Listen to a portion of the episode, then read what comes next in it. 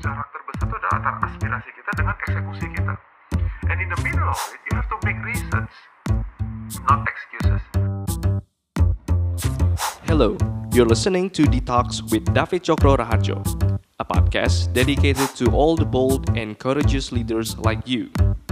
Your host, David Chokro Raharjo, is a business leadership coach, multinational entrepreneur, and an investor. In each episode, David will share his thoughts on relevant strategies in business leadership and personal development. Here's your host, and let's get right to it. Hari ini saya mau bicara tentang excuse. Banyak orang bertanya sama saya, Fit kenapa orang-orang saya semangat kerjanya gak tinggi Terus kalau ditanya selalu kasih excuse lagi, kasih excuse lagi, kasih excuse lagi So now, fundamental daripada pemikiran excuse kalau dari saya adalah Excuse itu adalah sama dengan reasoning.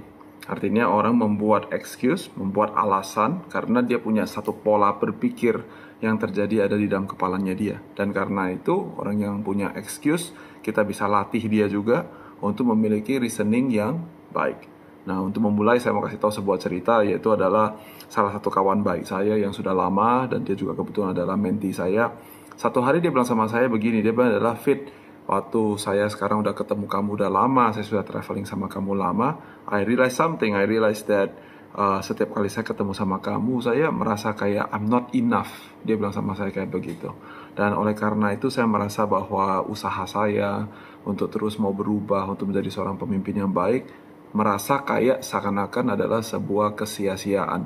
You know, and so uh, I uh, uh, it was a, a big hit for me sebetulnya karena ini orang yang cukup dekat sama saya.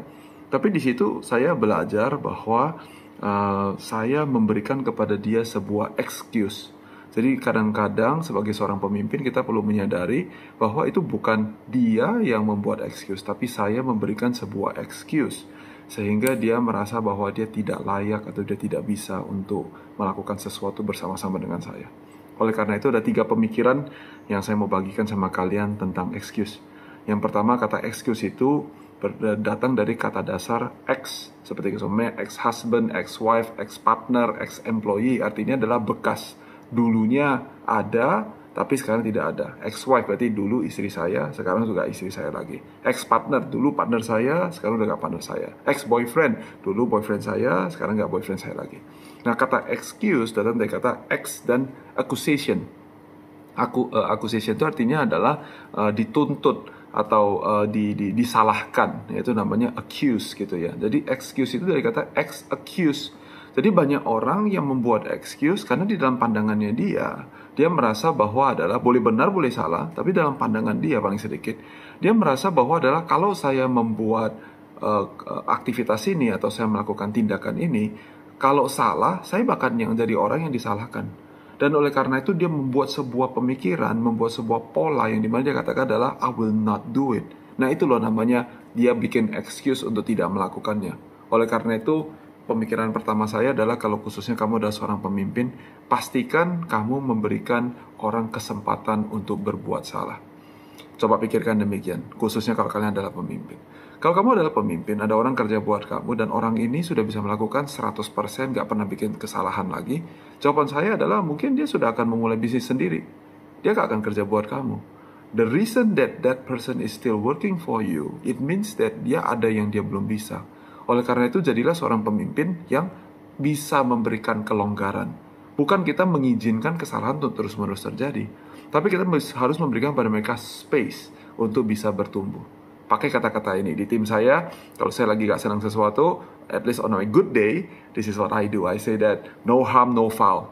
Dan saya bilang gini, for future references, gitu. Nah jadi bukan berarti kemudian saya meniadakan kesalahan itu atau saya pura-pura gak tahu, tutup sebelah mata. Menurut saya itu kebiasaan yang jelek daripada seorang pemimpin. Uh, orang saya perlu tahu, my crews need to know that I don't like it. My crews need to know that I do not approve it. Tapi harus tetap memberikan kepada mereka kesempatan untuk bertumbuh dan untuk melakukan yang lebih baik. Oleh karena itu, yang pertama adalah apa? Ex accuse. Kalau kita memberikan pada mereka uh, rasa bersalah yang tinggi, maka itu tidak akan heran kalau di organisasi kamu akan selalu orang-orang membuat excuse untuk tidak melakukan atau mereka takut untuk mengambil tindakan and so and so on. Yang kedua dan yang ketiga adalah buatan kata-kata saya sendiri. But when I hear the word excuse, saya berpikir tentang kata uh, kata cause, uh, sebuah uh, akibat, ya, uh, yaitu adalah sebuah purpose, sebuah tujuan. Why-nya agak jelas. Jadi X cause. Dulu tahu kenapa dia lakukan yang dia lakukan, sekarang dia tidak tahu kenapa dia lakukan apa yang dia lakukan. Dan menurut saya ini adalah hal yang kedua yang membuat orang punya banyak excuse, right? Um, saya sudah dalam sebuah hubungan uh, bersama dengan istri saya selama 20 tahun. Mulai dari pertama kali kita pacaran sampai sekarang kita udah 20 tahun. Now in that 20 years journey, uh, kalau saya kehilangan visi, kehilangan cause tentang kenapa kami ada dalam pernikahan ini, makanya mudah untuk membuat excuse, membuat excuse untuk semuanya uh, uh, nonton pornografi, uh, sangat mudah untuk mendapatkan excuse untuk semuanya adalah kenapa apalagi tidur dengan perempuan yang lain and so and so on. So itu adalah sebuah excuse. And I have met a lot of husbands, a lot of men yang punya excuse yang banyak. And when I trace it, sebetulnya adalah karena kehilangan sebuah tujuan. Kenapa mereka ada dalam pernikahan? Nah itu cause-nya sudah hilang. And so my recipe for this one is that you gotta be careful with uh, what you are watching karena apa yang kita tonton, apa yang kita lihat itu mempengaruhi uh, pemandangan kita, worldview kita, dan akhirnya cost kita sendiri. Uh, so by confession time itu adalah satu kali karena semua orang nonton uh, Game of Thrones, so I watch like just like anybody. Uh, there's nothing wrong with watching a movie, but I gotta be honest. Pada saat saya nonton Game of Thrones, itu mulai memberikan kepada saya pandangan-pandangan yang berbeda pandangan-pandangan yang berbeda itu apa yang saya tonton itu mengakibatkan saya kehilangan uh, pemikiran tentang apakah arti daripada sebuah pernikahan yang kudus dan oleh karena itu itu membuat saya punya excuse untuk mau melakukan hal-hal yang lain yang tidak seharusnya saya lakukan sebagai seorang laki-laki. So I hope that this doesn't make you misjudge me for something else, but that is the reality. And if you are a man, that is what it is. Khususnya kita laki-laki, kita adalah beings yang very super duper visual. Oleh karena itu, perhatikan apa yang kalian tonton. Right? Jadi kalau semuanya di dalam tim kalian, kalian bilang begini, kenapa ya orang-orang di kantor saya kurang kritis? My answer for you is, apakah kalian cuma ngomelin dia? If you bring more accusation di dalam kehidupan mereka, mereka tidak akan pernah berpikir lebih kritis. Tetapi to do this sebenarnya ada cara yang lain. Because remember, excuse dan reasoning is the same line of uh, thoughts. Hanya dia bikin alasan untuk tidak melakukan atau dia membuat alasan kenapa dia mau melakukan. Oleh karena itu, bawa mereka nonton sebagai contohnya. Bawa mereka untuk pergi nonton uh, film atau hal-hal yang kamu inginkan untuk mereka bisa kreatif, untuk mereka bisa berpikir secara kritis. Pakailah cara-cara yang kreatif. But the keyword is what? The keyword is watch. What you watch will affect your causing dan kausalnya ini akan mengakibatkan orang memberikan excuse atau membuat sebuah reasoning. Yang ketiga, pemikiran saya adalah excuse. Excuse-nya itu adalah C-U-E, Q, C-U-E, yaitu adanya adalah kehilangan trigger point, kehilangan uh, hinting kenapa saya harus lakukan ini. Jadi ini berbeda dengan uh, uh, yang uh, cause, karena cause itu berhubungan dengan sesuatu yang lebih abstrak, yang lebih besar. Right? Sebagai contohnya, kalau saya, saya sudah traveling ke mana-mana di seluruh dunia ini, wherever I go, whenever saya kelihatan lapangan bola basket, that is a cue for me. Immediately, I am thinking about putting on my shoes, I can imagine playing with these kids dan kadang-kadang mereka anak-anak cuma umur uh, 8 tahun. You know, I'm very uh, famous. Saya ketemu sama anak umur 5 tahun, saya di kelihatan lapang bola basket, saya main bola basket sama anak 5 tahun. Saya pergi lihat sama you know uh, apa namanya orang-orang yang street ball di New York. You know, the moment I passed it, immediately.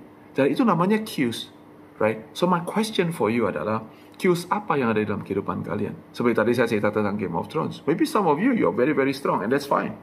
Tapi buat saya, begitu saya melihat adegan-adegan tertentu, itu adalah cue saya untuk berpikir yang sesuatu yang berbeda. So now, you want to have excuse or you want to have reason. Nah, kamu harus punya cues yang benar. Nah, salah satunya adalah apa? Salah satunya adalah belajarlah untuk tertanam di komunitas yang tepat. Pada saat saya mau manjat Gunung Rinjani, saya tertanam di dalam komunitas yang tepat. Saya manjat Gunung Rinjani tiga kali dalam waktu 24 bulan. Pertama kali gagal, yang kedua kali dalam 50 jam, dan yang ketiga kali di bawah 30 jam. How did I do it? Saya bukan seorang atlet, tapi saya ada di komunitas yang benar. Dan kemudian saya nonton film apa? Saya nonton film Everest yang cerita tentang naik gunung uh, Everest. Jadi saya pergi nonton barang-barang seperti demikian dan melihat bagaimana susahnya untuk melakukan itu. Saya bicara dan saya di sosial media mengikuti orang-orang yang manjat gunung. Sekarang ini saya sedang mencoba untuk lari 1000 km sebelum Desember 31 2020. Maka saya juga berteman, berbicara dan mengikuti orang-orang yang lari maraton. So, those are cues jadi pada saat saya melihat, wah gila, si siapa kemarin bisa lari 10 km atau 21 km, 42 km, itu memicu saya, itu menjadi cue point buat saya, untuk saya kemudian membuat alasan kenapa malam ini saya akan tidur lebih cepat, supaya besok pagi saya bisa bangun, dan besok pagi saya bisa melakukan apa yang saya kepingin lakukan. Sekali lagi, aspirasi kita itu adalah uh, uh, apa namanya jarak terbesar itu adalah antara aspirasi kita dengan eksekusi kita. And in the middle of it, you have to make reasons, not excuses. So what is your excuse? Kalau kamu membuat perusahaan, banyak orang yang bilang sama saya adalah visi perusahaan kita udah jelas, values-nya jelas, tapi gak ada orang yang tahu. Jawaban saya adalah Q-nya apa? Contoh, kalau kamu ada town hall meeting. Kalau kamu town hall meeting ngapain? Biasakanlah untuk memulai dengan bilang gini, visi perusahaan kita apa sih? Let's say, uh, pair up uh, pegawai kita dua dua dua dua dan kita katakan kamu punya satu menit 30 detik untuk cerita tentang visi perusahaan kita. Kata-katanya mungkin nggak perlu sama. Beberapa hal yang saya selalu anjurkan yaitu adalah pakai hashtag perusahaan saya. Hashtagnya adalah visinya adalah sekata Indonesia perkasa. Sesuatu yang mudah, sopir aja ngerti. Gitu. Oke, okay? untuk kehidupan pribadi saya, hashtagnya adalah apa? Getting you there. It's not getting me somewhere, it's about getting you deh. Sehingga anak saya yang sekarang berumur 7 tahun, dia juga bisa mengerti, walaupun tentu tidak dengan kedalaman yang uh, saya uh, punya di dalam umur saya dan dalam kedewasaan saya.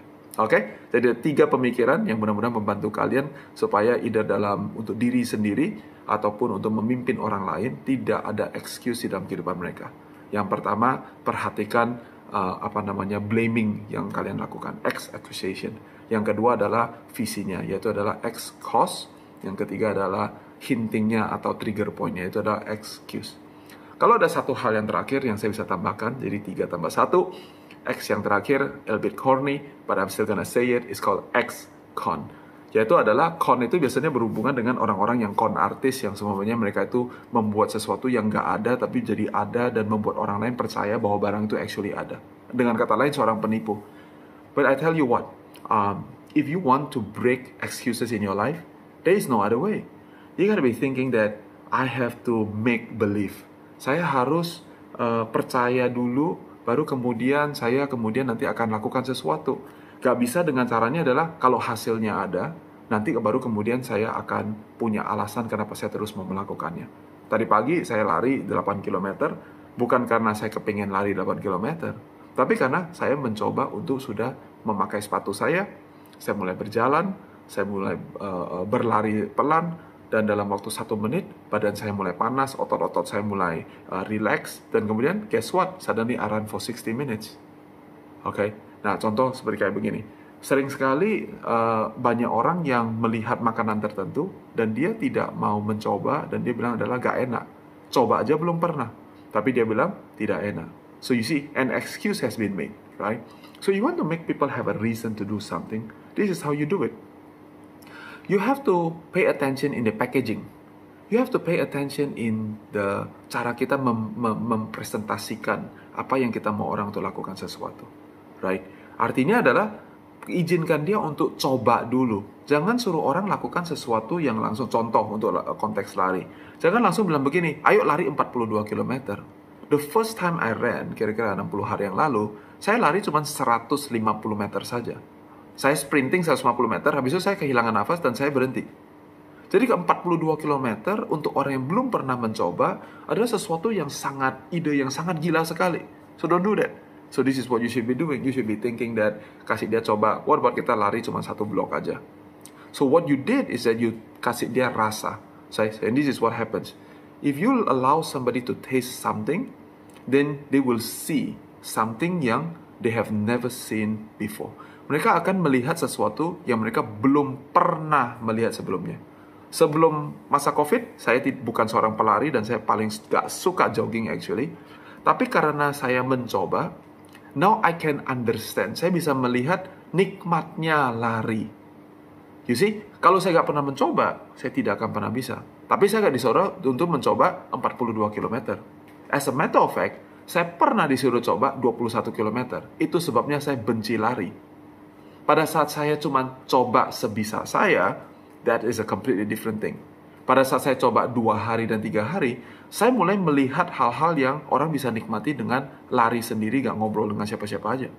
And it is when I do that, apa yang saya lihat, and here's the secret, is that once you see that you have not seen before, now you cannot unsee what you have already seen.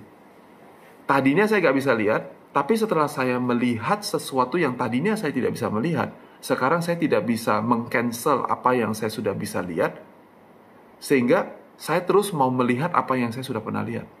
On all those three acts yang I told you before, this principle remains a strategy and a philosophy of life.